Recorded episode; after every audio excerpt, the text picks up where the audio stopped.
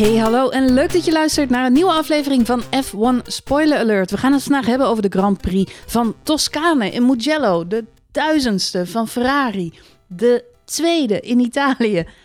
Johan, heb jij nog meer hashtag? De tomaten op de pasta, de ballen in de saus. De Pizza Grand Prix. Het was fantastisch. Het was fantastisch. We hebben ervan genoten. Uh, het was ook fijn dat Giovinazzi zijn helm, die hij speciaal voor de twee Italiaanse races had ontworpen, goed close-up in beeld kwam bij, die, bij die crash. Dat hij, dat hij het ook gewoon goed deed, gelukkig inderdaad. ja, dat is ook belangrijk, niet geheel onbelangrijk.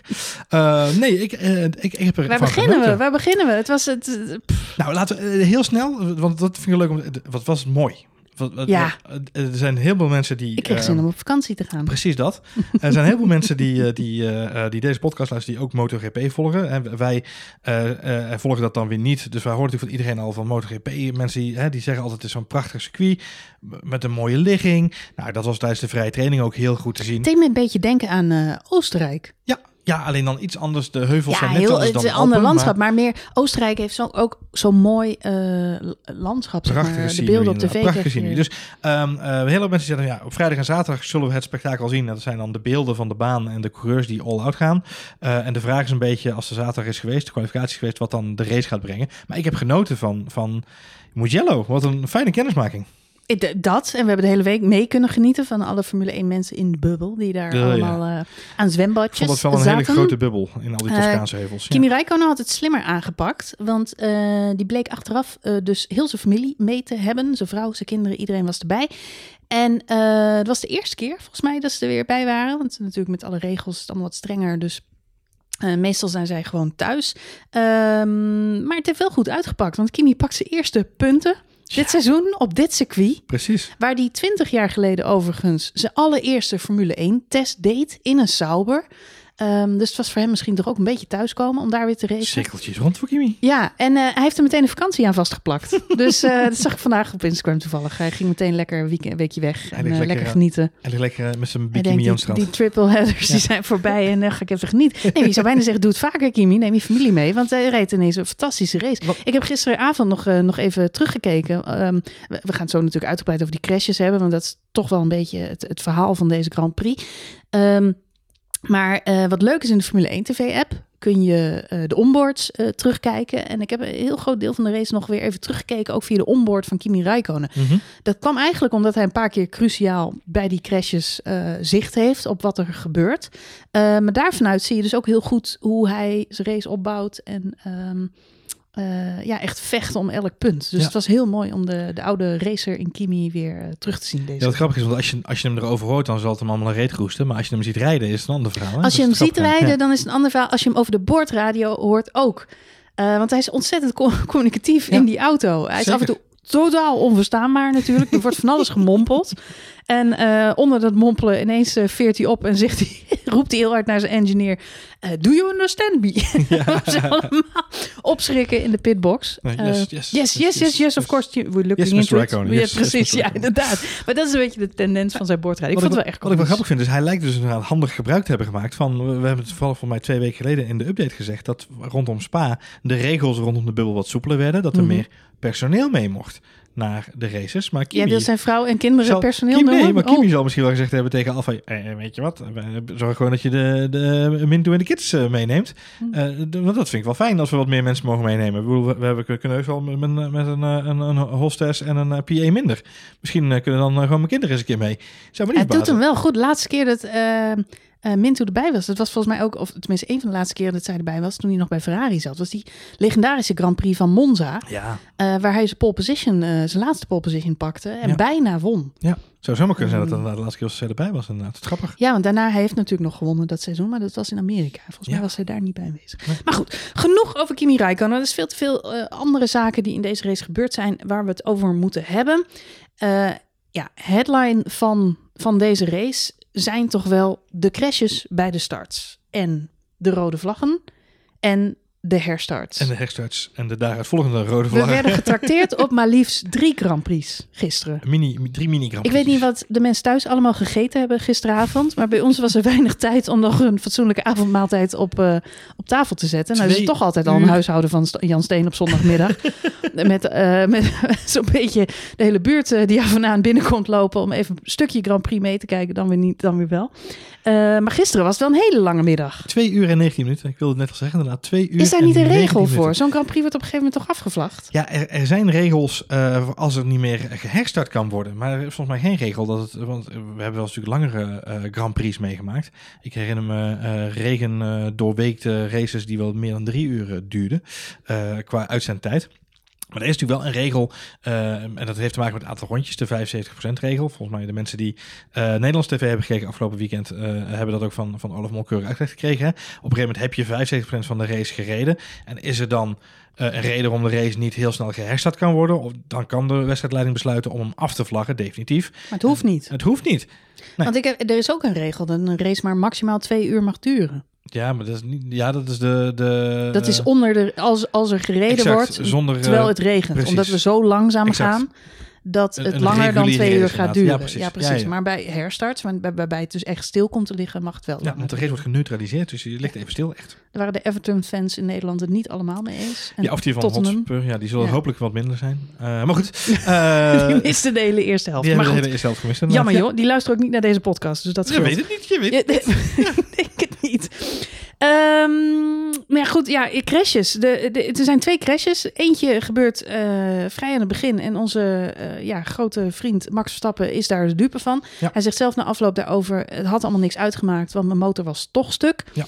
Eh, maar ja, hij zit daar inderdaad wel in het gedrang. Want eigenlijk achter hem gaat het, gaat het mis. Wa- wa- wa- Wat, was jouw analyse van de situatie? Want op het moment dat het gebeurde, waren we het niet met elkaar eens. Nee, ja, ik, ik had in eerste instantie gelijk het idee ehm, eh, dat eigenlijk wat, wat nu ook wel de uitkomst blijkt te zijn, is dat Gasly daar eh, onnodig een gat induikt wat er niet is. Ehm, Ik maar- was dat niet met jou eens, omdat ik nog steeds een hele rood-wit-blauwe bril van vorige week op had. Ja, je had je Franse vlaggetje nog in je, op je gezicht gesminkt en, eh, Ja. en je was er nog helemaal in de Gasly-modus. En Gasly zelf ook. want die heeft ook gewoon, weet je, Gasly had Die man gewoon... die heeft veel te lang met zijn beker gekleft afgelopen week. Die heeft dat ding overal mee. Ik zeg, ik, op Instagram, ik zag hem op een gegeven moment volgens mij zelfs naar bed gaan met die beker. Ik weet niet, maar iedereen die die gesproken heeft, die die genoemd Ja, heeft, afgelopen week heeft ook problemen gehad. Maar elke foto, het was een soort tuinkebouter die overal mee naartoe moest. Maar elke foto die van Pierre Gasly deze week langs heb zien komen, stond hij met die beker op de foto. Ik, wil- hij heeft aan deze week. Ja, ik heb ook eh, nog even geappt met Neymar en Mbappé. En die jongens die verliezen prompt ook gewoon de wedstrijd met voetballen. En die jongens worden eraf met een rode kaart afgelopen weekend. Hij dus die hebben alles en iedereen. Allemaal hebben ze een beetje de Gasly-vloek te pakken. Nee, kijk, Mm. Pierre had natuurlijk heel veel pech in zijn kwalificatie. Want dat is dat, een klein stapje terugmaken naar, naar Gasly zijn verhaal. Dus hij heeft heel veel pech in de kwalificatie. En dat zijn elektronisch systeem, zijn ERS, Mhm. eh, is ongeveer 400 meter voor het eind van de finish is die batterij leeg. Eh, Ja. Dus met andere woorden, zijn overtake, zijn extra vermogentje Mhm. wat hij heeft, wat hij ook mag gebruiken, ehm, dat heeft hij niet meer. En daardoor verliest hij eh, zicht op een plek in Q2. Hij start elfde. Eh, Toch? Nee, hij staat Oh. veel lager naar beneden Oh. inderdaad. Ehm, volgens mij start hij uiteindelijk... Oh, je hebt gelijk, 16e. 16e, 16e. inderdaad. Ja, precies. Ja. Goed, goed dat we die even uitgeprint hadden. Ehm, ik moest ook even nadenken. Maar hij valt, hij valt buiten, net buiten Q2. Eh, Mhm, dus, mhm. dus ja, hij hakken over sloten net wel, net niet. Maar dat is natuurlijk de balen. Lando Norris die elfde was. Daarmee was ik in de war. Die valt ook buiten. Ehm, Maar hij, hij wil heel graag goed maken natuurlijk wat, hij, wat er gebeurt op zaterdag. Dat, dat merk je aan hem. Hij heeft natuurlijk de high nog te pakken van de race. Hij wil heel goed, goed maken wat er gebeurt. En hij maakt het ook best wel goed. Hij heeft een goede start. Hij pakt wat plekken naar voren toe. Iedereen heeft natuurlijk te maken met het feit dat Max Verstappen terug naar achteren komt vallen. Dus Ja. zijn, om daaromheen valt er heel veel te winnen, om het zo maar even te zeggen. Ehm, maar goed, hij duikt in een gat tussen Rijkonen en Grosjean in. Eh, en ja, dat is er eigenlijk niet. Ja, dat is er wel heel even, maar dat gaat verdwijnen omdat ze een hele smalle chicane inrijden. Ja. En alle drie de coureurs eh, ja, hebben dat nooit eerder meegemaakt. Als ze Maar hij moeten ja, want ja. eh, in eerste instantie zei ik Grosjean, want ik geef Grosjean over het algemeen altijd schuld van Ja. wat er ook gebeurt. Nou ja, negen keer van de tien keer gevallen kun je daar gelijk in hebben. Ja. Vaak is dat zo, maar we hebben na afloop van de race eh, dus, zoals gezegd, even alle cameraposities nog een keer teruggekeken van wat gebeurt daar Ik nou. ben bij iedereen aan boord geweest. Ja, maar wat je dan inderdaad wel ziet, ehm, en overigens opvallend, hè, want de beelden van de crash, vond ik, moesten we steeds lang op wachten. Eh, Ik ben toch wel gewend dat als er iets gebeurt, het vrij snel in beeld is. Het was toch ook een beetje alsof de regie moeite had eh, met het in beeld brengen van deze race. Of, of ze de regie een beetje kwijt waren. Ja, nou ja, de, het viel me op bij alle herhalingen die we daarna kregen, dat de zoom steeds was op uh, Carlos Sainz. Mhm, mhm. Die daarvoor een klein tikje krijgt van Lance Stroll, waardoor die dwars komt te staan. En dat trekt natuurlijk de aandacht, grote oranje auto. Maar daardoor missen ze eigenlijk compleet dat verhaal wat achter Max Verstappen gebeurt. En het is eigenlijk precies wat jij zegt. Er gaan drie auto's duiken tegelijk een chicane in. En volgens mij is het circuit gewoon Daar eh, niet op gemaakt. daar niet op gemaakt. Geen enkele chicane overigens is daarvoor gemaakt. maar Nee, nou ja, goed, dat, kun- dat kun je zo zeggen. Ja. Alleen, ik, ik had toch ook wel de indruk dat het een beetje de onervarenheid is op deze baan. Ehm, ik heb, Vettel heb ik een paar races geleden in een interview horen zeggen... jongens, ik heb me één ding voorgenomen. Ik blijf uit de problemen. Want het laatste... wat ik- hij heeft natuurlijk zoveel shit over zich heen gekregen vorig jaar... en, Mhm. en, begin dit jaar ook weer... Vettel, die, die, die heeft vaak aanrijdingen. Die duikt in situaties waar die... Hij is in de man, problemen Hij is de man met een eigen spinala meme. meme. Dus eh, er is een speciale precies. Reddit meme rondom uh, Sebastian Vettel. Dus ja, Nou ja, goed. Maar hij heeft in elk geval, en dat snap ik wel, hij heeft nu gezegd van ja, joh, ik ga toch weg bij Ferrari. Het heeft allemaal geen zin meer. Ik, ik doe niet mee voor de titel. Die auto gaat ook niet. Dus ik ga niet onnodig eh, ja, brokken maken, zeg Nee. maar. Nou, en dan heb je inderdaad drie coureurs die behoorlijk gretig zijn. Want er is vorige, vorige week is er één van, van die club. eh, die heeft een race gewonnen. Dus ja, misschien zorgt dat er ook wel voor dat iedereen net even iets gretiger is dan normaal. Ja. Maar in elk geval is niemand van die drie coureurs bereidwillig om, om, eh, om hem even te om laten vieren. Te. Nee. Precies. En eh, ja, ik ben achteraf wel met jou eens dat Gasly daar eigenlijk in een gat duikt wat, wat er niet is. Waardoor de twee buitenste coureurs ja, moeten knijpen. Eh, en dan krijg je een crash en En gaat dan een snel stuk. Wat grappig is, je ziet Grosjean ook nog gewoon een beetje eh, proberen weg te sturen daar. En daardoor verliest hij een beetje de, de achterkant een beetje. Dat begint een beetje te wiebelen. Dus dat geeft de optie, illusie ontstaat al vrij snel dat het een soort van optelsom van, van twee, drie eh, coureurs is die alle drie een momentje hebben. Hè. Rijkonen heeft, die ziet Gasly voorbij komen. Dus die houdt wat in, geeft dan weer gas bij. Gasly duikt het gat in en Grosjean lijkt de achterkant te verliezen. Maar dat is eigenlijk allemaal de optelsom van het feit ja, dat Gasly daarin komt rijden. En dan ja, eigenlijk weer vol op zijn rem moet en, en weg moet daar. Nou goed, Rijkonen tikt eh, vervolgens eh, Verstappen aan. Eh, die hobbelt het grind in. Dat doet overigens ook, en dat is wel noemenswaardig, Romain Grosjean.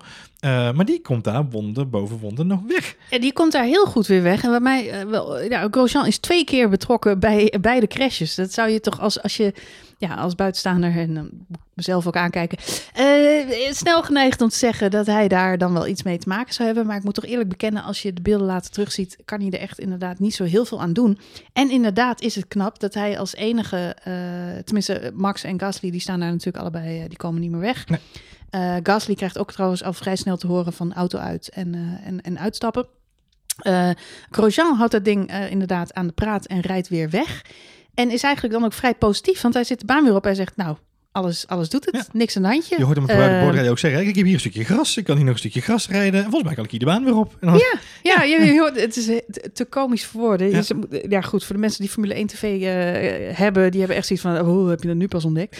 maar uh, ja, ik vond het heel komisch. Het is uh, heel grappig om mee te luisteren met, met elke coureur. En in dit geval Roman Grosjean. Dus ontzettend nou, optimistisch. Deze dus de bandjes zijn nog goed en de motor doet er nog. En nou, volgens mij, volgens, mij kunnen we. we.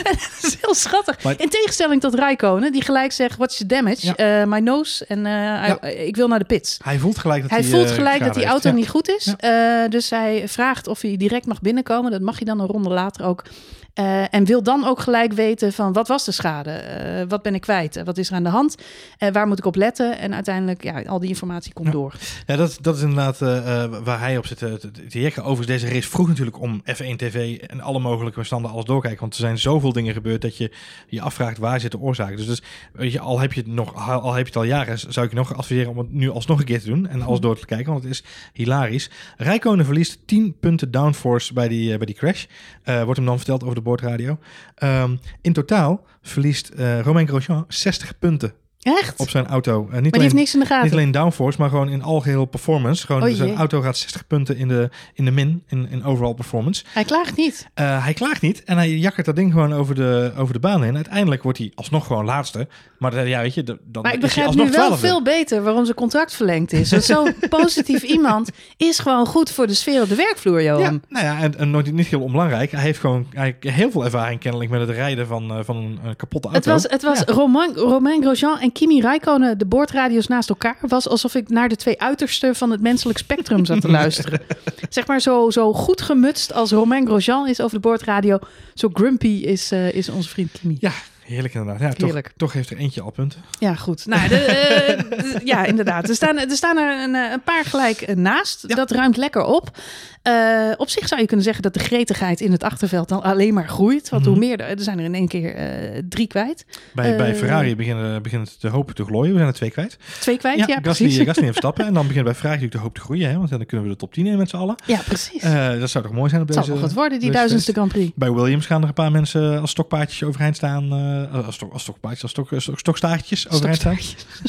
Als stokpaardjes, ja. overeind staan van nou, eens even kijken wat we kunnen bedoelen vandaag. En natuurlijk bij Alfa Romeo. Dus ja, er gaan een hoop mensen die dan eh, denken, hé, hey, uh, ik ruik een kans. Ja, goed. En dan hebben we natuurlijk de herstart uh, in ronde 6. Dan is de baan eindelijk een beetje opgeruimd. Ja, dan krijgen we het hele, ja, hoe zullen we het noemen? Safety car gate. safety Bottas car gate. Ja. Nee, ja, het, het is, Wat gebeurt daar? Het is safety car gate. Ja, ja.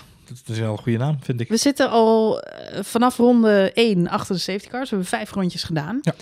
Uh, wat, je, wat, nou goed, wat opvalt op deze baan, dat is, er zitten een paar hele snelle bochten in. En wat mij al opvalt, het laatste stuk achter die safety car worden een aantal bochten echt vol gas genomen door een aantal coureurs. Dus de snelheid begint zich uh, aardig weer, uh, weer op te bouwen. Ja. maar ja, op het rechte stuk besluit Bottas natuurlijk om echt ontzettend langzaam te gaan rijden. Ja.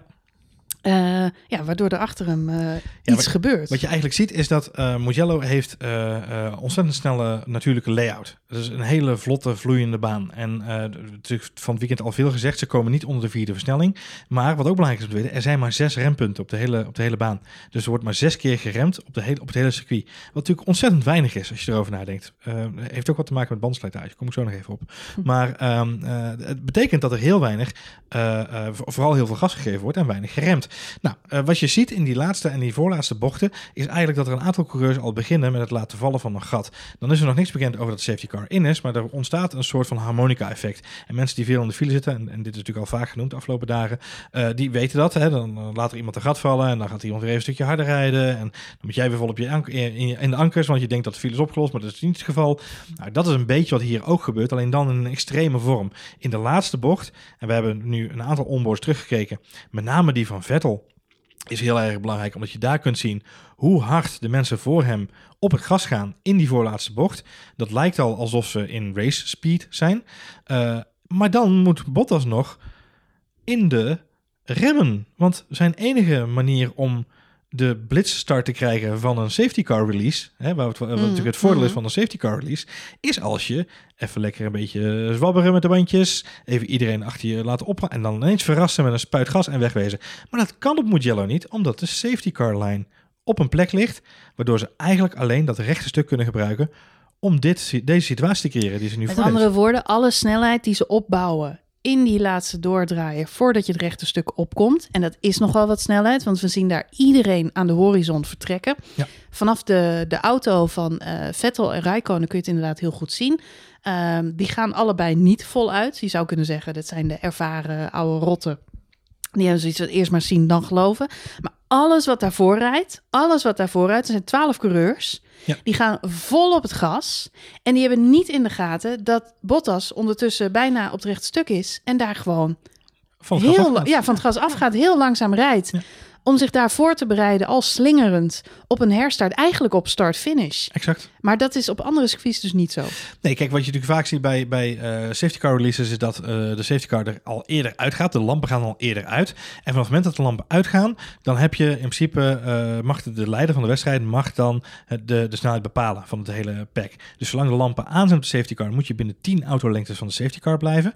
En iedereen daarachter moet achter jou blijven. Hè? Dat, dat, is een bekend verhaal. Maar zodra die lampen uit zijn, maakt niet uit waar op de baan. Zodra die lampen uit zijn, mag jij je tempo bepalen. En op het moment dat de safety car dan binnen is, mag je ook de race weer starten. Ja. Nou, dat gebeurt hier op een plek. Die, die safety car lijn, hè, als die daar voorbij is, dan mag je gaan racen. Die safety car lijn ligt hier op een plek waarbij de enige strategische kans die Valtteri Bottas had om een goede safety car start te doen, op het rechte stuk is. Ja, op start-finish. Dus we- moest hij wel inhouden. Hij moest daar wel. En we zagen het ook bij Formule 2 en bij Formule 3. Eh, daar gebeurde hetzelfde. Ook op die plek, daar is de herstart. Ja. En dan zie je gewoon dat dit het gevaar is wat je loopt. En de teams waren er zich van bewust. Want Ja. nou, die hebben die races ook gezien. Ja, laten we, eh, eh, je kunt het zo uitleggen. Ehm, de situatie begint bij Bottas. Want Bottas is degene die langzaam rijdt. Maar Bottas is niet de schuldige van die situatie. Er zijn veel mensen die zeggen... ja, maar Bottas die had daar nooit zo langzaam moeten gaan. En, Nee. eh, maar dat is niet zo, want het staat Bottas vrij om dat te doen, wat hij deed. Wat hij daar doet is helemaal volledig En het is aan al die coureurs die daarachter rijden... Om op te om te kijken naar de, de mannen voor zich. Ja, en dit is het mooie aan Rijkonen. Die zegt het ook gelijk over de roordradio. Terwijl hij door het puin heen rijdt. Hè. Kimi Rijkonen rijdt alsof hij in een Heel superheldenfilm mooi zit. hoe instinctief Kimi Räikkönen echt in een fractie van een milliseconde gelijk naar links duikt. En op hetzelfde moment duikt Vettel Naar rechts. naar rechts. Die sturen net als bij de IndyCar echt compleet, compleet uiterst links en uiterst rechts om uit die gevarenzone en die wrakstukken te blijven. En het zijn ook de enige twee auto's die er ongeschonden doorheen komen die er nog achter en, zitten. En zonder spotters, hè? Moet je nagaan. ja, Dus dat precies. Ja, maar het, het was ja. gewoon een soort IndyCar eh, Wat, eh, situatie. wat, wat eigenlijk direct gebeurt, is je over de boordradio hoor je Grosjean met name, maar ook Latifi. Wat ik echt fascinerend vond, want die jongen die krijgt een optater, daar word je akelig van. Maar terwijl zijn auto nog over de baan rolt en die links en rechts nog ingehaald wordt door andere auto's die hem net niet weten te raken, hoor je hem al klagen over de boordradio over wat daar gebeurde en de leader of the pack, de leader of the Ja, race. maar het was ook zijn eerste DNF ever. Hè? Dus Ja. dat valt hem Ja, eh, ja, dat absoluut. ook niet leuk. Maar ook Vettel eh, eh, laat zich gelijk horen. Grosjean laat zich gelijk horen. De, wat de leider op front aan het doen was, dat kon echt niet. Ehm, goed, er is natuurlijk lang naar gekeken, naar alle beeldmaterialen. Michael Massey heeft zelf gedaan zoals jij en ik de afgelopen twee dagen gedaan hebben. Alle onboards teruggekeken. Heeft hij iets sneller gedaan dan, dan jij Zou hij dat gratis krijgen? Ik F1 TV. Ja, nee, daar moet hij voor betalen. Mm. Hij betaalt gewoon contributie om bij te mogen zitten. Ehm, en heeft tot toen de, eindelijk de conclusie getrokken dat het niet één persoon de schuldige is, ehm, maar maar liefst, even kijken, twaalf coureurs. Ja, de, eh, op het uiteindelijke statement wat eh, gisteravond laat nog door de FIA is uitgegeven, staan Latifi, Sainz, Magnussen, Fiat, Albon, Stroll, Ricciardo, Perez, Giovinazzi, Norris, Ocon en Russell. Allemaal een waarschuwing. En we zaten op dat moment met hoeveel auto's nog in de competitie? Op dat moment hadden we er nog 16. maar 12. Ja, ja op Nee, 16. het Ja, waren ja, ja. De- nee, er waren er twee. 18. Ja, 18, 18. ja. Ja, ja, Nee, er vallen oké. er zes uit. Ja, Ja, precies. Dat, sorry, ik dacht dat je dat bedoelde. Ja. Nee, dus deze twaalf, deze twaalf vallen, vallen met hun neus eh, in de spreekwoordelijke boter als het gaat om die waarschuwing. Ik heb daar nog een paar keer naar zitten kijken eh, vandaag ook nog. Eh, met name omdat ik wel heel benieuwd was van, weet je, ik snap deze lange lijst van mensen. Want dit is gebaseerd op de, de toepassing van hun gaspedaal en hun remgedrag. Mhm, mhm. Dus ze hebben gewoon naar de gekeken van hoe hebben ze geremd en naar hun delta en hoe hebben ze zich gedragen gedurende die laatste ronde van de safety car. Eh, en deze zijn allemaal beboet omdat ze eigenlijk eh, inconsequent hebben geacteerd in die Mhm, situatie. mhm. Als ik kijk naar, als je nou kijkt fysiek naar wat, wat wie laat nou de meeste ruimte vallen in die situatie, Mhm. dan zijn het eigenlijk Danny Kvyat, Daniel Kvyat en ehm, George Russell die zoals ik het altijd zeg, op maandagochtend in de file, dat gat laten vallen en denken, ik me laat even een gat vallen, zodat ik zo meteen lekker een poel gas kan geven en dan kan ik er lekker eh, achteraan. En eh, zij moeten eigenlijk eh, op dat moment vol in de ankers, omdat die race natuurlijk nog niet eh, van start is gegaan, omdat Bottas nog niet begonnen is. Dus als ik heel eerlijk ben, als ik kijk naar de beelden, zou ik eerder nog wat meer zwaarte naar Fiat en eh, Russell leggen als het gaat om, zij laten een extreem groot Ja, gat ik vind het, eh, ik vind het, dit is typisch zo'n eh, zo'n eh, basisschoolruzie. En eh, je moet niet één schuldige aanwijzen, je moet gewoon allemaal... eh, de hele klas. de hele klas krijgt schuld. Alhoewel niet de hele klas. Ik heb nog snel even nagezocht. Maar er zijn zes coureurs die dus niet genoemd worden. Eh, en dat zijn Lewis Hamilton, Valtteri Bottas en Charles Leclerc. Die op dat moment natuurlijk eh, vooraan rijden. Ja. Ehm, Kimi Räikkönen en Sebastian Vettel die rijden achteraan. En Romain Grosjean die kan er blijkbaar niks aan doen. Nee, nee Romain Grosjean staat er ook achteraan. Ja, Want, eh, inderdaad. kijk, ja. want Ja. in dit geval, de, de, jij zegt, eh, Grosjean is erbij betrokken, maar die reed op, op respectabele achterstand. En die zag dat zijn teamgenoot Kevin Magnussen natuurlijk daar volledig geraakt werd aan de achterkant. Want die leek stil te staan, om zo maar te zeggen. Ja, die hield zich eigenlijk gewoon aan de regels. Maar die leek stil te staan voor de mensen die onboord waren bij Giovinazzi en Latifi. Ehm, dus dat, eh, die was degene, de, daar was degene, de haas die, eh, die nu de- het haasje was, om het zo maar even te zeggen. Ik hoop dat ze er wat van geleerd hebben. Nou, wat, wat, ik, wat ik heel belangrijk vind, en wat ik heel fijn vind om te zien, is, eh, en dat ik denk dat dat ook heel belangrijk is, het was spectaculair. Het heeft een, een rode vlag gebracht wat de race weer beïnvloed heeft. Maar ik ben vooral heel blij dat iedereen heel veilig en uh, met vooralsnog alleen een kneuzing aan de hand uh, eruit gekomen is. Want het was natuurlijk wel een ontzettende klapper. Uh, en het, een, hoop, een hoop puin wat er in de ronde vloog. En dit had ook gewoon heel vervelend kunnen uitlopen. Met name de band van Giovinazzi. Die, Giovinazzi wordt de lucht in gelanceerd mm. eigenlijk. En die, volgens mij is de voorband of de achterkant, ben ik even ja. nu abuis. Maar die gaat rakelings langs de cockpit van, van Latifi ook. Zit daar geen halo op en is het een paar centimeter naar, naar links of naar rechts. Dan heb je een heel zwaar ongeluk te pakken. Dus... We kunnen in elk geval zeggen dat de mensen die daar op de tribune zaten... eindelijk weer eens wel waar hebben gekregen voor hun geld. Ja. Ze hebben drie starts gehad voor de prijs van één. uh, en deze mega crash. Ze zullen alleen misschien net de, de eerste crash in de eerste bocht gemist hebben... omdat die net iets te ver weg was. Maar over het algemeen hebben ze toch behoorlijk goede tickets ik vond. Ik vond het toch wel fijn, om even grappig om te zien dat de mensen op de tribune zaten. Die bent toch... Heerlijk. En leuk ook dat ze gewoon konden juichen voor Hamilton. Dat hebben we in Italië natuurlijk ook wel eens anders ja, dat is in Italië wel anders inderdaad. Goed, speaking of Hamilton, we moeten het even hebben over het kampioenschap. Uh, we zijn over de helft. Ja. We hebben negen races erop zitten en we gaan 18 races doen. Ja. Dus we gaan er nog negen doen nu. Ehm, dus uh, dat betekent dat we nog geen, uh, ik, tenminste ik heb ze nog niet lang zien komen, berekeningen wat er nog voor nodig is of wanneer Lewis Hamilton kampioen kan worden. Van nee. Gameren die zal binnenkort wel weer zo'n shirtje aan hebben met, met vinkjes waar het kan gebeuren. Ja, precies. Um, maar zover zijn we volgens mij nog niet. Het gat met Valtteri Bottas is op dit moment 56 punten uit mijn hoofd. Ja. Um, maar ja, er zijn natuurlijk twee mannen die het Hamilton nog moeilijk hadden kunnen maken. Alleen beide uh, ja, kampen weer met tegenslag. Of, of moeten we zeggen, Lewis Hamilton komt gewoon niemand in de buurt. Die man zet het geluk en het, en het talent en de kunde. Hij zet, hij zet het altijd naar zijn hand. Ik denk dat, dat beide waar zijn. Ik denk dat je niet het, een vlak het ander niet uit, om zo maar even te zeggen. Ik denk dat uh, het is on, onmiskenbaar dat Max gewoon pech heeft dit weekend. Uh, en, en het weekend hiervoor ook. En, en, met zijn eerste race in Oostenrijk pech had. Dus dat is, dat is een feit. Daar kan ik niet zoveel aan doen. Bottas kunnen we zeker nog wel een boompje over opzetten, denk ik. Maar we kunnen natuurlijk moeilijk stellen dat Lewis Hamilton... moeilijk negeren dat Lewis Hamilton ook wel het geluk naar zijn hand weet te zetten. Want ja, ook dit weekend doet hij dat gewoon weer fantastisch. Ik begin wel steeds beter te begrijpen waarom Bottas met de race grauwer wordt. Jij begint altijd begin van het seizoen heel enthousiast uit startblokken. Uh, maar het moet, volgens mij is dit wel het jaar waarin hij zich echt beseft dat hij gewoon nooit de beste coureur in de Formule 1 gaat worden. Ever. Volgens mij begint dat nu neer te dalen. En volgens mij zitten we daar ook naar te kijken. Ja, ik denk, ik denk dat dat besef uh, hem ook wel ingepeperd wordt nu inderdaad dit seizoen. En dat, uh, nou, maar dat, dat doet... Dat, dat... Hij begint elk jaar aan die droom.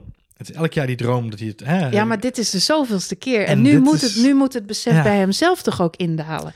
Hij kan nu niet meer, en hij, hij doet het nog wel hoor, want het valt me vaak op in interviews dat hij, nou, deze race hebben we het ook weer gezien, hij vraagt om een andere bandenstrategie dan Lewis Hamilton's team zegt nee, gaan we niet in mee. Achteraf bezien denk ik slimme keus, want het was een totaal onvoorspelbare race met veel te veel safety cars. Niet een race waarin je risico's gaat nemen met banden whatsoever. Um, maar ja, uh, hij kan niet blijven wijzen naar zijn team. Hij verprutst zelf zijn herstart. Ja. Uh, of of uh, een fout van Lewis Hamilton is zeldzaam. We zien hem een fout maken bij de allereerste start van de, van de wedstrijd. Waarvan hij zelf later in een interview ook zegt van... dat gebeurt me niet zo heel erg vaak. Maar geef hem nog twee starts en hij maakt het gewoon dubbel en dwars goed. Dus gewoon niks tegenop te... Kijk, kijk het is, voor Bottas is het een, hele, een, een heel uh, moeilijk... Het is heel moeilijk als je in Bottas' schoenen staat. Want als je kijkt naar de zaterdag... en we hebben het hier al eens een eerder over gehad... Uh, op, op zaterdag is Bottas altijd heel dicht bij Lewis Hamilton. En nu ook weer. afgelopen zaterdag, volgens mij 54 uh, honderdste onderaan de streep. minimaal verschil, minimaal verschil. Um, en wat het verhaal een beetje is, afgelopen zaterdag, hij mist een run. Want hij is degene die slachtoffer is van de gele vlag van Ocon. Ocon gaat er natuurlijk af. Lewis Hamilton zet dan nog een tijd neer, dat is niet een verbetering overigens. Dus je zou kunnen zeggen, Lewis Hamilton heeft ook maar één run gedaan. Maar Bottas heeft maar één run gehad. Die was bezig met een, op jacht naar een verbetering. En het gat is zo minimaal dat je je kunt afvragen... als Bottas van Pol gestart was had hij dan deze race kunnen winnen. Want dan was het misschien een ander verhaal geworden. Dan, had, dan was het in ieder geval voor hem Waarom? mentaal ook een ander verhaal geworden. Uh, als hij van, van Paul Maar hij pakte gelijk, hij pakte bij de eerste bocht gelijk uh, Hamilton. Klopt, dus... dat is hetgene, maar dat is het verhaal van twee kanten wat ik wilde zeggen inderdaad. Dan gaat het op zondag, gaat het alsnog, gaat het mis omdat hij uh, Lewis Hamilton de kans geeft. je moet, hij, moet, hij heeft niet die killer instinct om dan Lewis Hamilton van zich af te houden. Dus hij, hij pakt dan alsnog bij gratie van een uh, safety car uh, pakt hij uh, een, een, standing start, pakt hij de pole position, mag hij van pole beginnen. Mm -hmm. maar dan gaat het alsnog mis. Mm -hmm. En dat is gewoon de Lewis of de sorry de Valtteri Bottas van zaterdag is een andere Valtteri Bottas dan van zondag. En dat is gewoon heel erg zuur. En je ziet de, het kaartenhuisje in elkaar vallen op zondag. Want jij refereerde al even aan zijn bandenstrategie. Um, hij meldt over de boordradio: ik voel het vibratie. Mm -hmm. Twee seconden later vraagt hij: zodra we zo gaan stoppen, wil ik graag alternatief van Lewis Hamilton. Wat op zich een, hele valide vraag is voor een coureur die op jacht gaat naar een één op één gevecht met zijn concurrent. Alleen het team heeft op dat moment al gezien dat die banden niet goed gaan. Mercedes had dit weekend als een van de weinige teams last van uh, de banden. De, de, de, de degradation uh, was bij Mercedes. een beetje de story of the season, maar ze worden toch gewoon dik wereldkampioen. Dat klopt inderdaad, ze worden dik wereldkampioen. Maar dat is omdat ze gewoon een heel goed gemanaged team hebben. Dat is weer een ander verhaal. Mm. Maar zij waren een van, van de Pirelli die... moeten ze het niet hebben. Nou ja, die de... mogen niet meedoen op het kampioensfeestje straks. De vraag, de vraag is of het Pirelli is, want het is natuurlijk wel zo. Zij waren de enige dit weekend. En de vraag rijst zich steeds vaker. We hebben het er al vaker over gehad. Of Mercedes, niet, nou, niet te snel, is misschien een te makkelijke samenvatting van de situatie, maar die auto van Mercedes is zo gebouwd dat hij misschien wel te veel vergt van die band. Daar waar andere teams daar toch minder last van hebben. Dus ook dit weekend hoorden we de, de bordradio's weer. Jongens, blijf van de curbs af, blijf van de curbs af. Maar Bottas vraagt om een andere strategie op het moment dat hij net daarvoor heeft gemeld dat zijn banden niet zo lekker gaan. Nou, dat is natuurlijk een één op één uh, onhandigheidje. Hij krijgt dan ook geen andere banden omdat hij beschermd wordt. Hij wordt als eerste naar binnen gehaald, omdat ze bang zijn dat hij een puntje krijgt. Maar als je als eerste naar binnen gaat, jij kunt niet met een pitstop bepalen wat je teamgenoot gaat doen. Dus hij wist op dat moment ook al, dat is het kaarthuisje wat instort. Ik ga als eerste naar binnen. Hamilton is er niet geweest. Dus ik ben, ik ben de Sjaak. Ik krijg geen andere bandenstrategie. Ik ben niet anders. Ik word niet op een ander plan gezet. Ja, en dan dat, dat, dat, dat vlammetje gaat steeds meer dimmen en dimmen. En dat is de grauwe Bottas die dan op zaterdag aan het einde van de dag voor die camera staat en een beetje chickeneurig uh, antwoord geeft. Want ik, hij begint elk weekend fantastisch, maar het is elke zondag weer toch weer de teleurstelling van daar sta je dan op die tweede plek, op die derde plek. Wie ook neurig was, was Max Verstappen. Hij startte op de derde plek, wat natuurlijk echt een knappe prestatie was. Weer wederom, zeker op uh, dit circuit. Vorige week Monza ging allemaal niet best. Maar we hadden allemaal goede hoop dat het nu toch beter zou gaan. Echter, voordat de race überhaupt begonnen was, zagen we alweer zorgelijke dingen. Er werd weer gesleuteld aan zijn auto. Er zou een opstartprobleem met de motor zijn. En hij is de nou ja, de pitbox wou ik nog. Hij is de, de startblokken nog niet uit. En uh, ja, we zien hem terugvallen ontzettend teleurstellend. Maar betekent dit ook. Was er nog een kans dat hij wereldkampioen had kunnen worden dit jaar? En is die kans nu echt voorbij? Je mag, je mag nooit nooit zeggen, want de berekeningen zijn nog niet gemaakt. Maar het verschil is 80 punten nu met Lewis Hamilton. Mhm. Uh, dus dat is fors. Zeker als je weet dat Bottas op 56 staat. En we net van Bottas al zeggen dat hij feitelijk uitgebonjourd is als, uh, als wereldtitel contender. Um, nee, voor Max ga, ga, is het gewoon uh, zorgen dat hij tweede, derde of tweede kan worden in het, in het wereldkampioenschap dit jaar. en zorgen dat hij voorbereid het volgende seizoen in kan. Ik ben heel erg benieuwd. Kijk, Red Bull is altijd in die tweede fase van het seizoen, zeggen ze altijd. Hè, dan hebben ze de achterstand een beetje weggewerkt en dan kunnen ze gaan strijden. Nou, dat, dat gaat dan nu een beetje gebeuren. Ik vrees dat het dit jaar een ander verhaal gaat worden, omdat we natuurlijk met een iets andere budgettaire verdeling werken naar, uh, naar 2022 toe. Uh, maar volgend jaar uh, ja, gaan we feitelijk op dezelfde voet verder als waar we nu gestart zijn. Dus dan zou dat wel kunnen betekenen dat hij misschien vanaf het begin af aan wat meer ja, het vuur aan de schenen zou kunnen leggen bij Mercedes. Hopelijk uh, weten ze bij Red Bull de grote stap een keer wel te maken. Daar waar ze bij Mercedes misschien ervoor kiezen om een kleiner stapje te maken in voorbereiding naar 2022 toe, waar natuurlijk een hoop moet veranderen. Ik begin nu af en toe toch een beetje voor mij uh, de vergelijking uh, te trekken met het verhaal bij Ferrari, waar ze natuurlijk ook een heel teleurstellend seizoen draaien. Maar in veel opzichten merk je bij Ferrari dat daar gewoon je eigenlijk de hoop al opgegeven is. En elk punt wat er gescoord wordt, en zeker afgelopen weekend twee auto's in de punten. volgens mij was het daarmee uh, Ferrari's beste weekend ooit, zou je zelfs kunnen zeggen, omdat ze 8 en 9 reden. Uh, zeg ik dat goed? 19 zijn ze uiteindelijk geworden.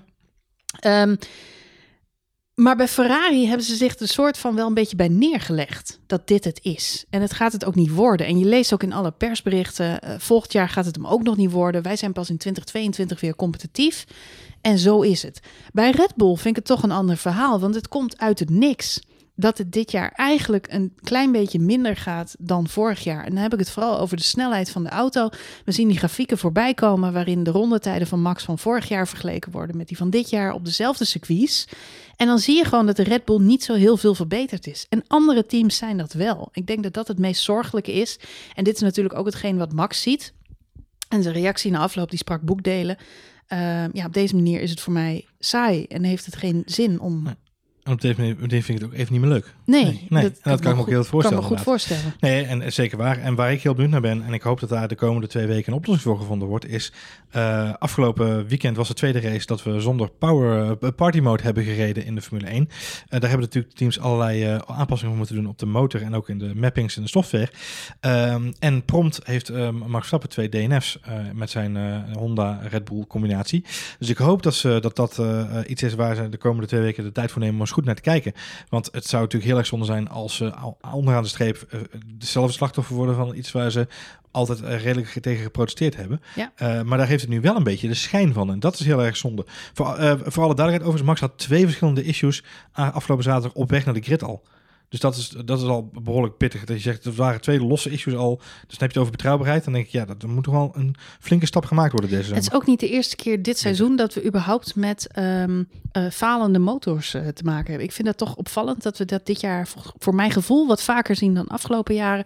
Vorige week hadden we nog Carlos Sainz, die uiteindelijk helemaal niet eens kon starten in uh, Monza. We hebben Hulkenberg al meegemaakt, ja. die niet kon vertrekken.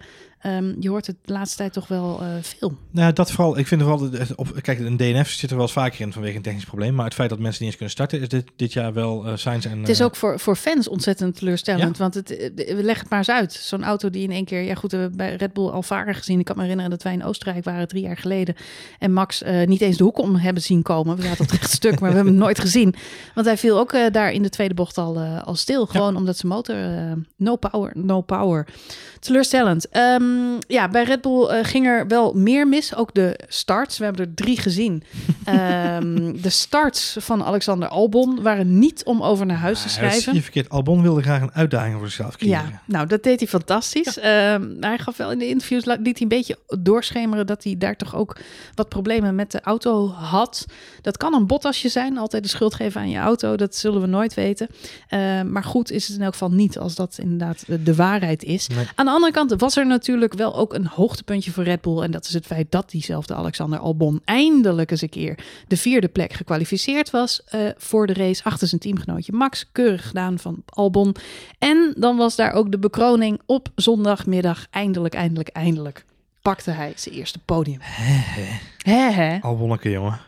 Ja. We hebben heel vaak tegen elkaar gezegd: het komt wel, het komt wel, het komt wel. Maar het is toch ja. fijn als het er dan eindelijk is. Uh, zijn uitleg was ook heel fijn. Thanks for sticking with me. Dat was denk ik de beste samenvatting van uh, de afgelopen drie maanden uh, Alexander Albon bij Red Bull. En ik denk dat hij heel blij is, net zoals wij allemaal zijn, maar hij nog misschien nog wel veel meer, dat hij hem eindelijk te pakken heeft. Want ja, dit is natuurlijk wel uh, voor hem een extra zetje wat hij nodig heeft. Zeker naar de laatste stint van dit, uh, van dit seizoen toe. Om te zorgen dat er geen uh, hele maffe ideeën ontstaan bij de top van Red Bull. Als het gaat om volgend jaar die stoeltjes in te vullen. Nou ja, wat opvallend is, is dat ik vandaag in alle kranten, media, pers, et cetera, lees dat uh, hiermee in elk geval uitgesloten is dat er dit seizoen nog een wissel zou komen. En dat zou betekenen dat Albon dan weer naar AlphaTauri gaat en Pierre Gasly gepromoveerd wordt naar Red Bull. Met deze podiumplek zou dat allemaal, allemaal, allemaal van de baan zijn. Ik moet zelf heel eerlijk zeggen, ik heb dat gevoel al die tijd al niet gehad dat ze dat dit jaar nog een keer zouden doen. We hebben het in deze podcast ook al vaker over gehad. Bij Red Bull is volgens mij dit jaar het credo rust in de tent. Vorig jaar hebben ze dat gedaan, die teamwissel. Dit jaar is een heel ander seizoen. Het is veel compacter. We hebben net drie triple headers achter de rug. Het is ontzettend intensief. Ja. Ik denk uh, dat het nooit, maar dan ook echt nooit, nooit, nooit in vragen is bij Red Bull dat ze dit jaar nog iets om gaan gooien. Nee, als je kijkt naar de densiteit van het seizoen, je zegt heel goed inderdaad, de triple headers zorgen er ook voor dat er eigenlijk nauwelijks ruimte is om dat überhaupt te overwegen. Waar natuurlijk uh, uh, de switch met Gasly vorig jaar, Gasly Albon, was natuurlijk rondom Spa. Rondom de vakantieperiode. Dus toen hebben ze ook tijd gehad, stoeltje omzetten, dingetjes inregelen. Weet je, die ruimte is er gewoon nu niet. En die, die, dus los van, het, los van het organisatorische stuk, zeg maar, die, die ruimte is er dus niet. Is het ook gewoon qua, qua sfeer in je team, is het gewoon niet te verantwoorden om nu te zeggen, we gaan Albon nu weer omwisselen. Want ja, weet je, je gaat niet alleen de coureurs uh, een, een geven, maar ook alle mechanics eromheen. Want die mensen leven ook gewoon mee met die jongens. Dus nee, ik denk dat het heel verstandig is bij Red Bull dat ze de rust prediken en lekker doorpakken naar volgend jaar. Goed, al met al heeft misschien Pierre Gasly niet eens zo heel veel om zich zorgen over te maken. Hij zei natuurlijk wel na afgelopen race uh, die hij won, dat hij er klaar voor zou zijn om weer terug te gaan naar Red Bull. Maar deze week was ook in het nieuws dat ze bij Red Bull van mening zijn dat Alfa Tauri op dit moment veel meer hun zusterteam is geworden en niet meer zozeer hun juniorenteam. En uh, we hebben dit verhaal natuurlijk al eerder gehoord. Ze rijden allebei nu met een Honda-motor. Er zijn twee jaar geleden hadden we nog hè, dat AlphaTauri al over was gestapt op de Honda, Red Bull nog op de, op de Renault, zat. Nu zijn het echt twee teams die naast elkaar opereren. Dan hebben we nog het hele uh, Breakduct Gate gehad bij Racing Point. en naar aanleiding daarvan heeft Red Bull natuurlijk ook gezegd: ah, dit biedt perspectief. Betekent namelijk dat we ons uh, zusterteam, zoals ze dan nu zelf noemen, uh, eigenlijk ook uh, meer ruimte kunnen geven om zich te ontplooien als volwaardig competitief raceteam.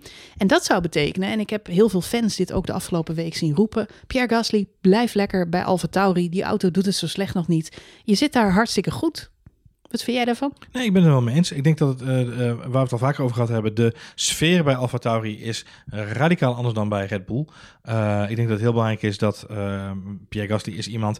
Iedereen die Pierre Gasly kent en die hem spreekt, die hem wel eens geïnterviewd heeft, die wel eens met hem te maken heeft gehad, zegt altijd, die jongen is zo uh, uh, van nature verschrikkelijk aardig en open. En hij is verschrikkelijk vrolijk, hij is heel positief. En het is gewoon een, een schat van een kerel. Um, hij is Albon ook. Ja, klopt. um, Vind ik niet echt uh, getuige nee. van killer instinct, nee, maar, maar wel dat, de baan hoor. Kijk, het, het verhaal is een beetje, je kunt natuurlijk nog steeds een aardig kerel zijn. Alleen de emotie die in Pierre Gasly zit, en zeker natuurlijk de laatste 18 maanden. Je hoort ook hoe hij daarover praat, hè, de acht, laatste 18 maanden. Ik heb overal heb ik nu voorbij zien komen, de laatste 18, laatste 18 maanden. maanden. En ik, ik kan het hem niet ontnemen, want het, is ook absoluut het is ook heftig. waar. Het is he, super heftig geweest. Maar have het geeft wel aan dat het een emotionele coureur is. Ja. En um, bij AlphaTauri, AlphaTauri is een team, daar zijn de, de, uh, de highs zijn ontzettend hoog. En die euforie is dan ook heel erg hoog. Maar zodra hij, zoals nu afgelopen weekend, die auto een keer in het grind parkeert, dan zijn die dieptepunten een stuk minder laag. Het feit dat Max Verstappen of Alexander Albon dit weekend een auto in het grind zou hebben geparkeerd, Max heeft het gedaan, maar zou Albon dat hebben gedaan bijvoorbeeld uh, dit weekend, in plaats van Max, dan zou dat voor Albon een veel zwaardere klap zijn geweest dan dat het voor Pierre Gasly bij AlphaTauri is. Dat heeft gewoon te maken met verwachtingspatroon, maar ook met wat het team uh, er zelf instopt, hoe ze erin zitten en hoe ze met jou als coureur omgaan. Met name dat stuk is voor Pierre Gasly denk ik veel beter in balans bij AlphaTauri. Dus hij zit daar gewoon lekker op zijn plek. Daarnaast, ja, die technologie die gaat tegen bij elkaar komen te liggen. Zeker vanaf 2022 als die nieuwe reglementen inkikken. Denk ik dat hij daar gewoon helemaal op de juiste plek zet. En kan hij daar meer de teamleider worden, die hij zou willen zijn misschien wel, dat weet ik niet. Maar kan hij daar meer de teamleider worden van dat team? Met iemand naast hem nog gewoon, uh, misschien wel een Tsunoda inderdaad, die dan vanuit Formule 2 komt. Uh, die kan hij dan ook mee gaan, uh, gaan oppakken en, gaan begeleiden. Terwijl Albon, Albon is veel meer inderdaad, jij zegt zelf ook al, is ook een aardige kerel, maar die kan wel op de een of andere manier beter omgaan met die spanning. Die is daar veel ontspannender in, veel relaxter. En die kan het op de een of andere manier toch wel deflecteren. Want als je ziet wat hij de afgelopen maanden over zich heen gekregen heeft...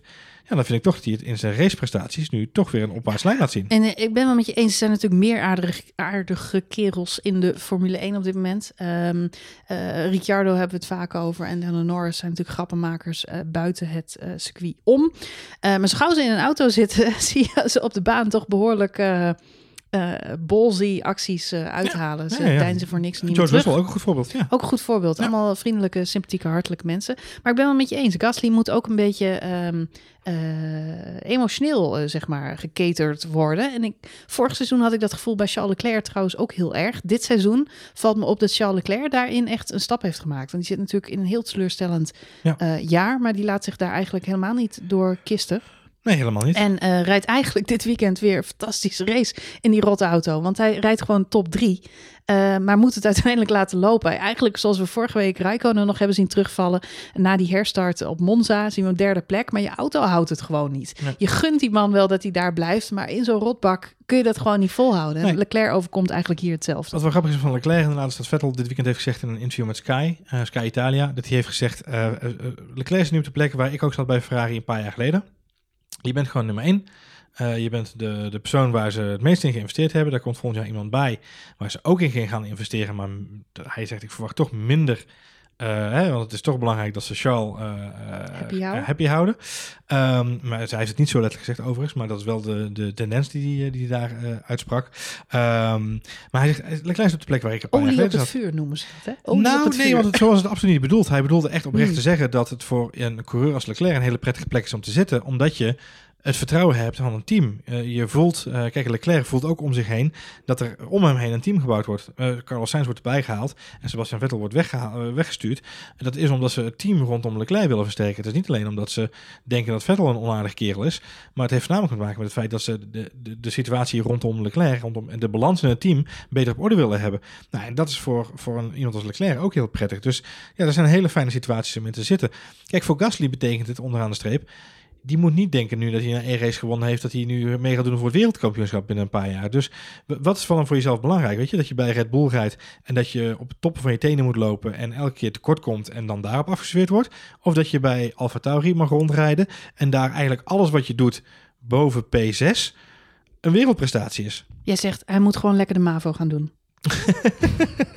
nou, ja, kijk, Havootje. Ja, Havootje. Havootje. Hoeft hij niet zo hard zijn best te doen. Ik zou, ik zou, de, ik zou uh, Alfa Tauri geen, geen MAVO noemen. Ik zou het de Havo noemen. De Havo, goed. nou ja, uh, zie jij hem ooit nog terugkeren bij Red Bull op dit moment? Of denk je dat hij um, bij Alfa Tauri blijft en uiteindelijk nog voor een andere renstal kiest? Het is zo moeilijk omdat je niet weet, hij is nog ook relatief jong, dus je weet niet welke curve hij nog gaat meemaken. Er gaan stemmen op die zeggen, waarom zit hij volgend jaar niet in een Renault in plaats van Alonso? Dat zou kunnen. Ja. Want om heel eerlijk te zijn, Renault heeft natuurlijk een Franse droom die ze willen verwezenlijken. Ja. Je kunt veel zeggen, maar Ocon maakt dat op dit moment niet waar. Die wordt uh, tien van de tien keer afgetroefd door zijn teamgenoot uh, Daniel Ricciardo. Die is volgend jaar weg. Dan moeten ze het hebben van Alonso. Ik heb alweer flashbacks naar de tijd van Alonso bij McLaren samen met Stoffel van Doornen. Oh. Stoffel van Doornen die kon ook niks meer goed doen. Er was gewoon een soort schaduw in, in ja, uh, de, de diva ehm, Alonso, die Alonso eh, daar was. Ja, dit is volgens mij helemaal niet het pad wat Renault. Ik heb toch nog steeds het gevoel dat uh, de aankondiging van Ferrari en de wissels die daarna heel snel zijn gekomen, allemaal een beetje overhaast zijn gemaakt. Mhm. En dat zal niet zo zijn, want natuurlijk denken die mensen wel tien keer na voordat ze dit soort keuzes maken. Maar achteraf bezien zijn er daar wat rare dingen gebeurd. Ik vind uh, McLaren gaat op dit moment hartstikke lekker met die twee jonge gasten. Lando Norris, Carlos Sainz, hartstikke tof, leuk team. Ze zijn echt aan elkaar gewaagd. We zien uh, Carlos Sainz op Monza schitteren. We zien Lando Norris op uh, Silverstone, ook in Oostenrijk natuurlijk, fantastisch werk doen. Um, dus dat, is leuk om naar te kijken. En dan zet je daar volgend jaar Daniel Ricciardo bij, wat echt een topcoureur is. En misschien is het heel goed voor Lando Norris, kan hij er heel veel van leren. Aan de andere kant, ik hoop niet dat het Lando zijn, uh, zijn groeicurve ondersneeuwt. Omdat het toch een oudere, ervaren coureur is. En ik juist zo graag wil dat, dat Lando doorschuift. Ja. Uh, en, en tegelijkertijd, ik wil ook niet Ricciardo in, in de oude lullenrol. Want daar, daar is hij eigenlijk ook nog te jong voor. Dus hè, is het niet jammer? Ja, enerzijds is het natuurlijk top gezellig dat die twee gasten in het team zitten. Maar aan de andere kant denk ik, ja, raceprestatie, halen zij het beste uit elkaar. En had, ja, had, had Gasly misschien naar Renault moeten? Ik, pff, het zijn snelle keuzes ik, Het verhaal Carlos Sainz is een heel goed voorbeeld wat, wat het kan brengen als je uit de Red Bull stal, stal stapt en de tijd neemt om, om wel overwogen keuzes te maken. Carlos Sainz heeft het taai gehad, want die is naar Renault gegaan, daar is hij eruit gebonjourd. Uh, nu bij McLaren heeft hij zijn kans gewoon gepakt. En ja, weet je, ik denk dat wat hij zelf ook zegt, ik denk dat iedere coureur in zijn schoenen uh, die niet Lewis Hamilton heet, uh, of misschien mag verstappen, uh, die een aanbod krijgt van Ferrari, Ferrari, Ferrari te rijden, dan, dan rij je je Ferrari. Dus dat is, dat is denk ik het verhaal onderaan de streep altijd. Ehm, ondanks alles wat we hier al voor grapje uithalen, dat, dat is gewoon, dat is voor elke coureur onderaan de streep denk ik een, een, een Weet je wat waarheid. ik ook graag had gezien? Sorry, even tussendoor. Charles Leclerc en Gasly bij Ferrari. Had ik ook een mooie combinatie gevonden. Ja, nou ja, maar zeg nooit nooit hè, in dit geval. Uh, wat, wat, ik al zeg, zijn ze een goed voorbeeld van wat er gebeurt als je die Red Bull stal uitstapt. Uh, zou Gasly die stal nu, nu uitstappen, ja, dan zou die inderdaad bij een Renault uh, aan de slag kunnen. 2022 dan in dit geval, denk ik. alhoewel, ik weet niet of Alonso langer vast ligt. Maar dat zou een heel goed opstapje weer kunnen zijn. Dat heeft Sainz ook gedaan naar de volgende stappen. En dan weet je niet, dan is het heel moeilijk om grip te krijgen op, op de situatie. Toen um, Carlos Sainz werd teruggezet bij Red Bull. Um, en, of sorry, vertrok bij Red Bull en, en naar Renault ging, had ik nooit kunnen uh, bedenken dat Carlos Sainz bij Ferrari zou eindigen. En ik weet niet Nee. hoe jij erin zat, maar ik, als je mij had gevraagd, twee maal gezegd, binnen drie seizoenen rijdt hij bij, bij Ferrari, dan had ik gezegd, Ja. is niet realistisch. You crazy? Nee, klopt. Ehm, en dat, is, dat, dat laat zien wat, hoeveel een verandering van omgeving kan betekenen voor je racecraft, voor je, voor Ja. je talent, maar ook voor je groei als, als, als Ja, coureur. in gewoon goede totaal. zin Ja. en in slechte zin. Ik heb ook heel veel zin in Seb Vettel bij eh Aston Aston Martin, Martin. Ja. volgend jaar. Want ik denk dat hij precies op het goede moment daarheen gaat. Eh, zeker nu Break the Cake achter de rug is. We hebben het voor, in de voorbeschouwing nog over gehad dat Seb Vettel eh, aangekondigd is bij die duizendste Grand Prix van Ferrari. Wat natuurlijk ook een beetje, ja, misschien een eh, steek onder water is geweest eh, naar Ferrari toe. Aan de andere kant zou ook best kunnen dat heeft meegespeeld. Joh, ik wil wel eerst even dat, eh, dat hele plagiaatverhaaltje de wereld uit is. Ja. Want ehm, ja, ik wil wel zeker weten dat we door kunnen pakken met de lijn die we nu hebben ingezet als team. Volgend jaar komt er meer budget bij, er is meer ruimte om, om dingen te doen. We hebben net gezien bij McLaren wat er kan gebeuren als je eh, met nieuwe mensen en, en nieuwe energie en een nieuwe naam aan de slag gaat. Ja. ja, hij stapt volgens mij precies op het goede moment in daar. Ja, je, je legt wel heel veel eh, keuze bij Sebastian Vettel in dit geval. Ik denk dat bij Aston Martin ook wel mensen nagedacht hebben over... eh, moeten we met Vettel aan de slag, al dan niet, hoor? Ik denk dat Vettel in alle opzichten een veel logischer keuze is dan Alonso. Maar Alonso en Abiteboul die verdienen elkaar. En niks ten nadele van Alonso. Ik ben een groot fan. Maar het schijnt wel een, een, een moeilijk mannetje te zijn. Nou ja, we gaan het Eh, binnenkort allemaal zien in de documentaire Fernando. Op, Ja, inderdaad, inderdaad. We gaan het allemaal zien. Nou ja, goed.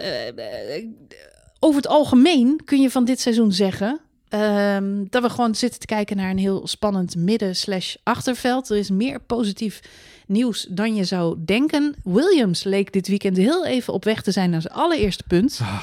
In de vorm van George Russell. Oh, George Russell. Reed negende Ja. voor de laatste herstart. Verprutst compleet die eh, standing start. Ja. De derde standing start. Wielspin komt niet goed weg. Ehm, ja, en rijdt... eh, wat, wat rijdt hij dan? Tiende, maar... Eh, uiteindelijk- hij rijdt elfde. Elfde. Elfde. Ja. En Kimi Räikkönen rijdt voor hem, maar die krijgt een tijdstraf. Dus er is nog een kans dat hij eventueel toch eh, die tiende plek gaat pakken. Kimi Räikkönen, Kimi Räikkönen rijdt op dat moment achtste inderdaad. En, Ja, en maar rijdt, binnen vijf, rijdt binnen vijf seconden van George Russell nog in die eerste ronde dat hij die straf krijgt. Ja. Maar geeft dan vervolgens een dotje gas. Eh, en ja, dan komt de racer en Kimi toch naar boven. En de, de winnaar, om het zo maar even te zeggen. En die, die weet zelfs zo goed voor elkaar te rijden. Want hij rijdt dus op dat moment eh, dat hij dus straf krijgt, rijdt hij binnen vijf seconden van plek 11 op plek 8. Eh, aan het einde van de race dus verliest hij maar één plekje aan Charles Leclerc. Ja, en dat is knap, want er zijn nog tien rondjes te gaan, volgens Exact. mij bij de laatste herstart. Eh, dus dan moet hij toch eh ja, Hij weet, dus, hij eh, weet dus nog vijf, vijf seconden weg te rijden bij Charles Leclerc. Alles bij elkaar volgens mij zelfs eh, ja, eh, eh, bijna 6,5 seconden bij Charles Leclerc. Ja, hij heeft behoorlijk eh, gas erop zitten Ja. in, die, eh, in die laatste stukken. George Russell, die zie je aan het einde echt een beetje instorten. Hij wordt wel gevolgd door de camera in het laatste stukje van de race. Het is natuurlijk hartstikke spannend. En we gunnen hem allemaal zo dat, ehm, dat eerste punt. Ik, ik ga er ook vanuit. Ik vond wel zie- zielig eigenlijk dat het dan zijn eerste punt zou zijn. En ook de eerste race dat eh, Claire er niet bij is. Ja. En bij afwezigheid natuurlijk ook haar vader. Ja. En dan was het zo mooi geweest dat hij dat eerste punt had kunnen opdragen aan, aan haar en aan haar Ja, vader. Frank, Maar ja. ja, goed, dat eh, hebben we allemaal eh, niet zien gebeuren. Maar eh, aan de andere kant kun je zeggen, het zit er misschien wel aan te komen. Williams zit wel weer. Ze rijden niet, eh, zoals vorig jaar met Kubica, eh 20 seconden achter de rest van het veld. Nee, met name George Russell is wel iemand die, die constant meevecht eh, richting plek 10. Eh, maar dan wel ook heel vaak aan het einde van de race wel moet laten schieten, helaas. Dat heeft of te maken met, met, met de, de auto zelf, of te maken met, met gewoon het feit dat de banden of de Wat strategie opvalt, niet klopt. wat opvalt, en ik weet niet of het aardig is om te zeggen, maar wat opvalt is dat hij, dat hij zijn start toch verprutst. Met wielspin zou je kunnen zeggen, ja, koude bandjes had hij beter op moeten warmen. Eh, maar goed, we zien Hamilton met die rokende remschijven. Hamilton weet dan toch voor elkaar te krijgen dat hij voor een herstart Ja. precies de auto goed heeft. En George Russell, misschien gebrek aan ervaring, heeft hem precies niet goed Zegt voor die hij- start. Zegt hij zelf wel. Hij heeft zelf aangegeven, eh, ik heb gewoon te weinig ervaring met herstarts met weinig eh, benzine aan boord. Want dat is natuurlijk het grootste probleem. De auto is heel licht. Ah, dat zei Lennon Norris vorige race ook al. Ja, de auto is dat heel dat heel licht. moeilijk is. Dus dat, is Ja. gewoon, eh, dat maakt het gewoon lastiger om een goede herstart te maken. Dus, eh, oefenen. Vaak oefenen inderdaad. zou ja. je zeggen, zou je Misschien zeggen. die practice wat vaker gebruiken inderdaad. Ja. Nou goed, hoopgevend is in elk geval wel. Laten we hopen dat George Russell dit seizoen wel dat eerste puntje gaat pakken. Het maakt namelijk wel degelijk een verschil. Eh, teams die punten pakken, die kunnen aan het eind van het seizoen rekenen op meer geld. Ja. De Dus prijzenpot. elk punt telt. En dat verklaart misschien ook dat daar zo hard om gevochten wordt in dat achterveld. Ehm, Daniel Ricciardo, die lijkt ook even heel dicht bij iets moois te zijn. Die rijdt namelijk op die derde plek. We weten allemaal de weddenschap met Abit de Bol. Eh, die krijgt een tatoeage als dat podium dit seizoen gehaald wordt. Ik denk dat hij toch een beetje met mixed feelings momenteel zit te kijken. Want dat, ook dat podium is eh, behoorlijk dichtbij. Of had dat op deze circuits moeten gebeuren en is de kans nu verkeken? Dat is mijn gevoel wel. Ja? Eh, de setup in Monza was echt extreem low downforce. Dus daar hadden ze echt een hele andere setup dan dat ze op de banen daarvoor hadden. Die hebben ze meegenomen hierheen ook. Op Spa was trouwens hetzelfde verhaal. Ehm, ze hebben echt deze circuits waar, eh, waar weinig... eh, Dit waren de Ferrari-baantjes van vorig jaar. Ja, zo zou je het kunnen Ja. omschrijven inderdaad. Ja. Dus dit, ze hadden hier wel, dit waren wel de plekken waar ze het hadden moeten doen. En waar het wat minder om vermogen gaat en ook wat meer om racecraft. Wat natuurlijk ook Daniel Ricciardo goed uitkomt. Want laten we vooropstellen dat Daniel Ricciardo een van de meest natuurlijke coureurs, echte racers is van, eh, van het stel, om het zo maar even te zeggen. Eh, zie je ook aan zijn inhaalmanoeuvres de afgelopen race ook weer. Het is echt iemand die... eh, die, zoals ze mooi zeggen, laat, lekker laat inremt.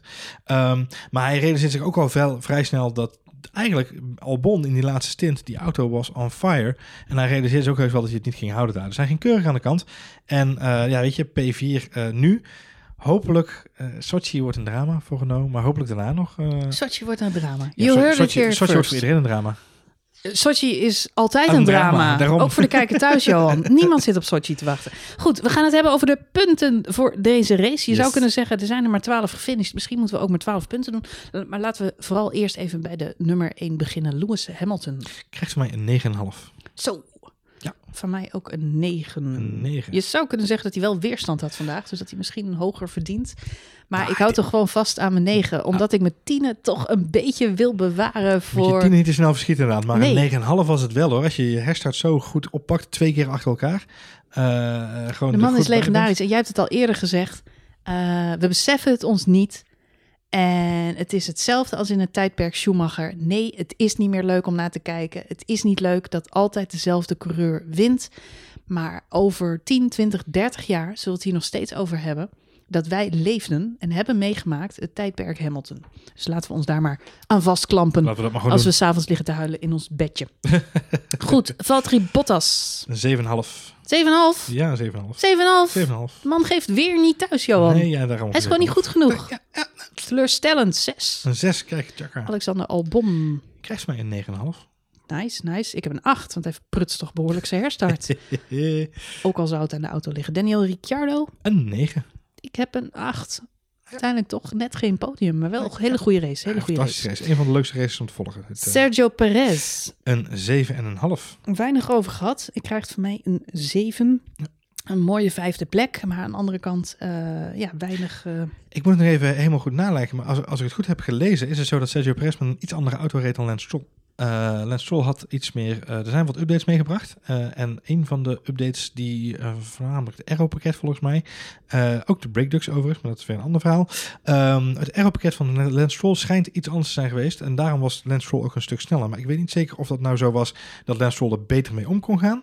Of dat Perez het een, een andere setup had. Dus dat moet ik even checken. Maar ondanks dat gaat hij die auto toch gewoon keurig naar... eh, Zijn banden P5. konden er in elk geval niet beter mee omgaan. Want Lance Stroll rijdt een goede race, maar valt helaas uit omdat zijn band lek is. Ehm, Sergio Perez heeft natuurlijk wel mazzel eh, van het feit dat hij voor hem een aantal mensen kwijtraakt. Onder wie natuurlijk Max Verstappen Zeker, in het begin zeker. van de race al. Maar ook inderdaad zijn teamgenoot. Ehm, eh, Leclerc zit daar nog een hele tijd voor, maar die, er zit gewoon geen gang in. Dus hij heeft wel weer een klein beetje mazzel. Ehm, Lando Norris. Ja, ik, ik krijg van mij een eh 8. Acht. Omdat hij toch gewoon een stabiele race gereden heeft. Hij heeft wel de mazzel dat hij natuurlijk omhoog komt. Hij komt van P11 naar P6. Eh, dan kun je zeggen dat zijn precies de zes auto's die uitvallen.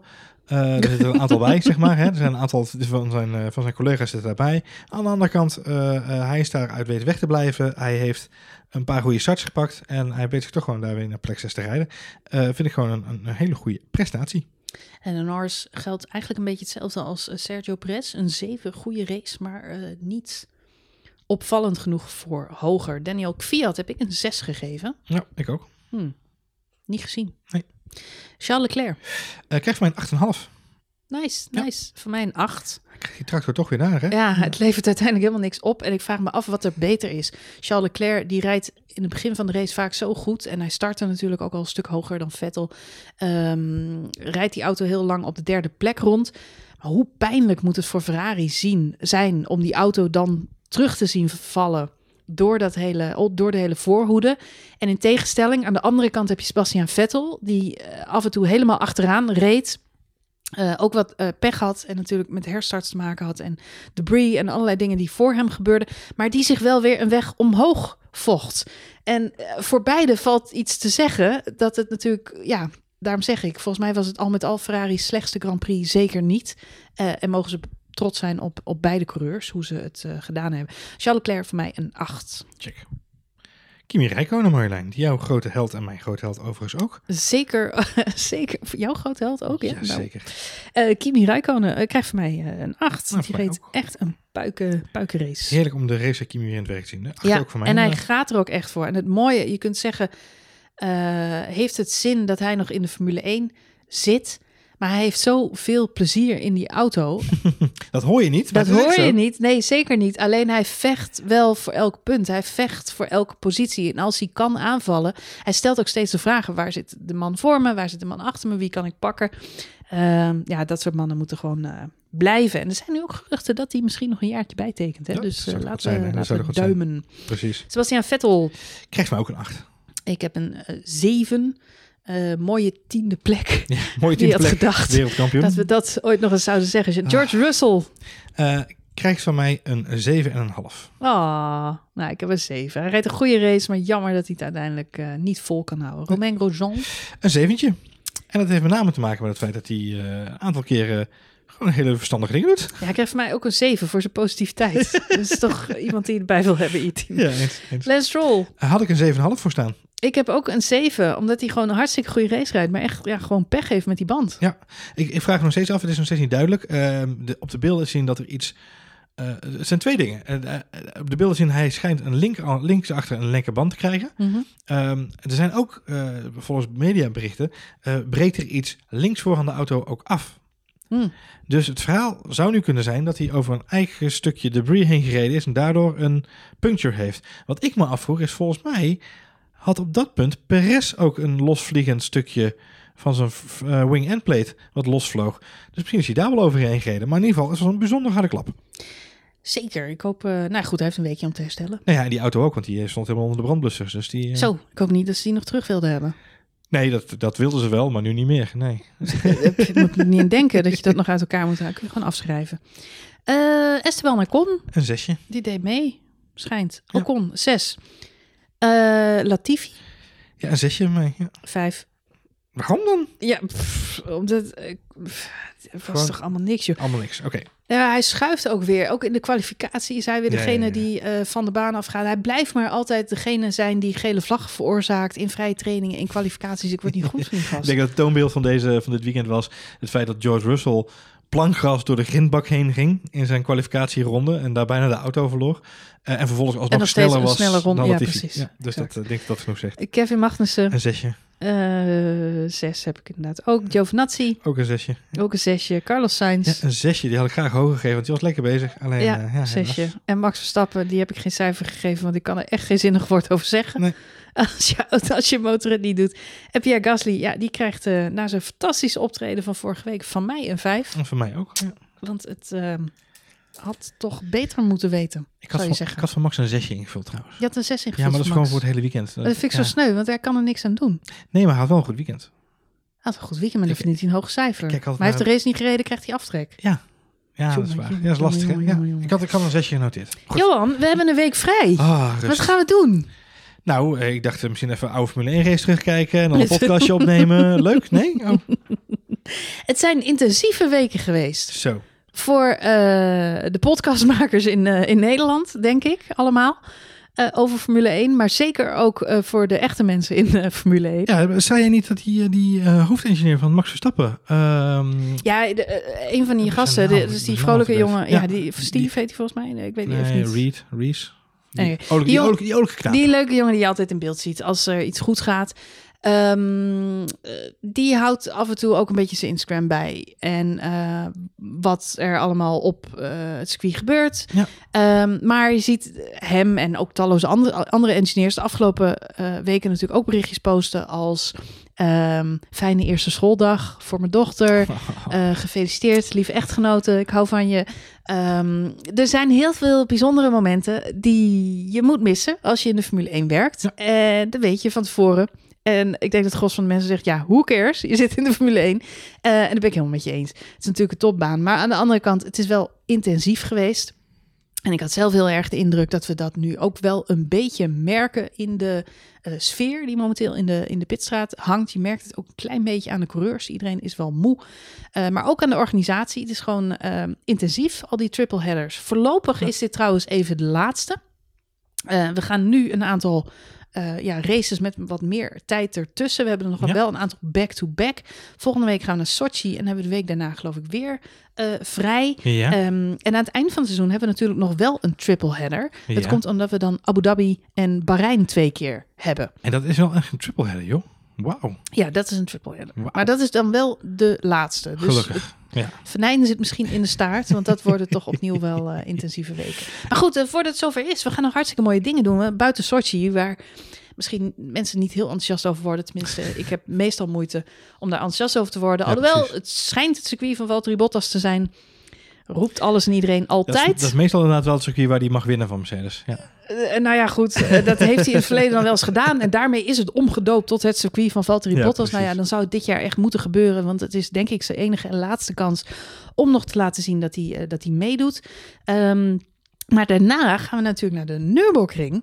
ja, Wat eh, leuk is om daar eindelijk weer een keer heen te gaan. We gaan ook nog naar Portimao. We gaan nog naar Imola, naar Istanbul. Dus er is nog van alles is er van alles warms. Wat natuurlijk voor ons goed nieuws is. Ja, Als zijn de Nederlandse Formule 1 fans. Want voor- met de warmte schijnt de, schijnen de Mercedes het weer niet zo de goed te doen. bandjes, de bandjes. Dus laten we daar nog maar op hopen. Maar ik ben wel blij dat we even een weekje pauze hebben. Lijkt me een goed idee inderdaad. Ja, toch? Even chillen. Even chillen. Goed. ehm, excuses dat deze podcast een dagje later was. Gebeurt wel eens. Gebeurt wel eens. Eh, vonden we ook vervelend. Maar gelukkig zijn we er wel. Ja, nou, nee, Ehm, moest gewoon heel veel uitzoeken. Ja, nou moest dat, dat, dat. En eh, wel fijn om eh, te lezen in de Telegram-app van F1 Spoiler Alert... dat jullie ons allemaal al misten op de maandagochtend. Ehm, dat is leuk om te horen. Ja, vinden we leuk. Vinden we. Mocht je nou überhaupt willen laten horen wat je van de Grand Prix, van de Grand Prix, van onze Ja, van podcast, Prix mag ook. Ja. mag ook, mag ook. Eh, wil je laten weten wat je van de Grand Prix vond? Doe dat dan even via Twitter of eh, Telegram. Ja. En wil je laten weten wat je van deze podcast vindt? Dan mag dat in eh, iTunes Ja. of op een andere podcast-app waar je reviews Waar je achter reviews kunt laten. laten. En volgens mij staat er één. Is dat alleen Nee, iTunes? Mij wel. Ik heb geen Oh, idee. Het lijkt me wel. Maar Vinden we wel leuk, want Ja. eh, positieve reviews, nou negatieve mag natuurlijk ook, maar goede reviews, dat zorgt er wel voor dat we beter gevonden worden. zeker. En dat vinden we natuurlijk wel leuk, eh, hoe meer luisteraars we bereiken. En En hang eens een post-itje bij de koffieautomaat op je werk. eh, van ons, Ja, gewoon check gewoon deze even een podcast. spoiler alert, Ja. gewoon guerrilla marketing. Guerrilla marketing mensen. Kijken of het Gaat hem helemaal worden. een aanzuigende werking heeft. Een stukje, een stukje eh, storytelling op de Storytelling werkvloer. op de werkvloer. Nou, Dus laat doe het. weten wat je gedaan hebt om eh, een stukje promotie voor deze podcast te doen op de werkvloer. Iedereen werkt thuis, Johan. Dat heeft helemaal geen zin. Kom je thuis, Dus ik- kom je thuis, hangt er een briefje op de pool- koelkast. zegt je vrouw weer. Waarom heb jij een briefje Ja. met spoiler alert op? Ik, ik luister al mee. Laat me maar rust. Ja. Ik koop er helemaal niks voor. Goed, eh, heel erg bedankt voor het luisteren. Heel graag tot de voorbeschouwingen op de Grand Prix van Sochi. Die zal ergens in de loop van volgende week wel volgen. En dan gaan we natuurlijk ook weer nabeschouwen. We zijn pas op de helft van dit seizoen. Jongens, wat is het een geweldig Formule 1 seizoen. En wat zijn we blij dat we dit jaar gewoon Formule 1 podcast mogen maken. En zoveel races krijgen. Toch? Ik wel. Heel graag tot volgende aflevering.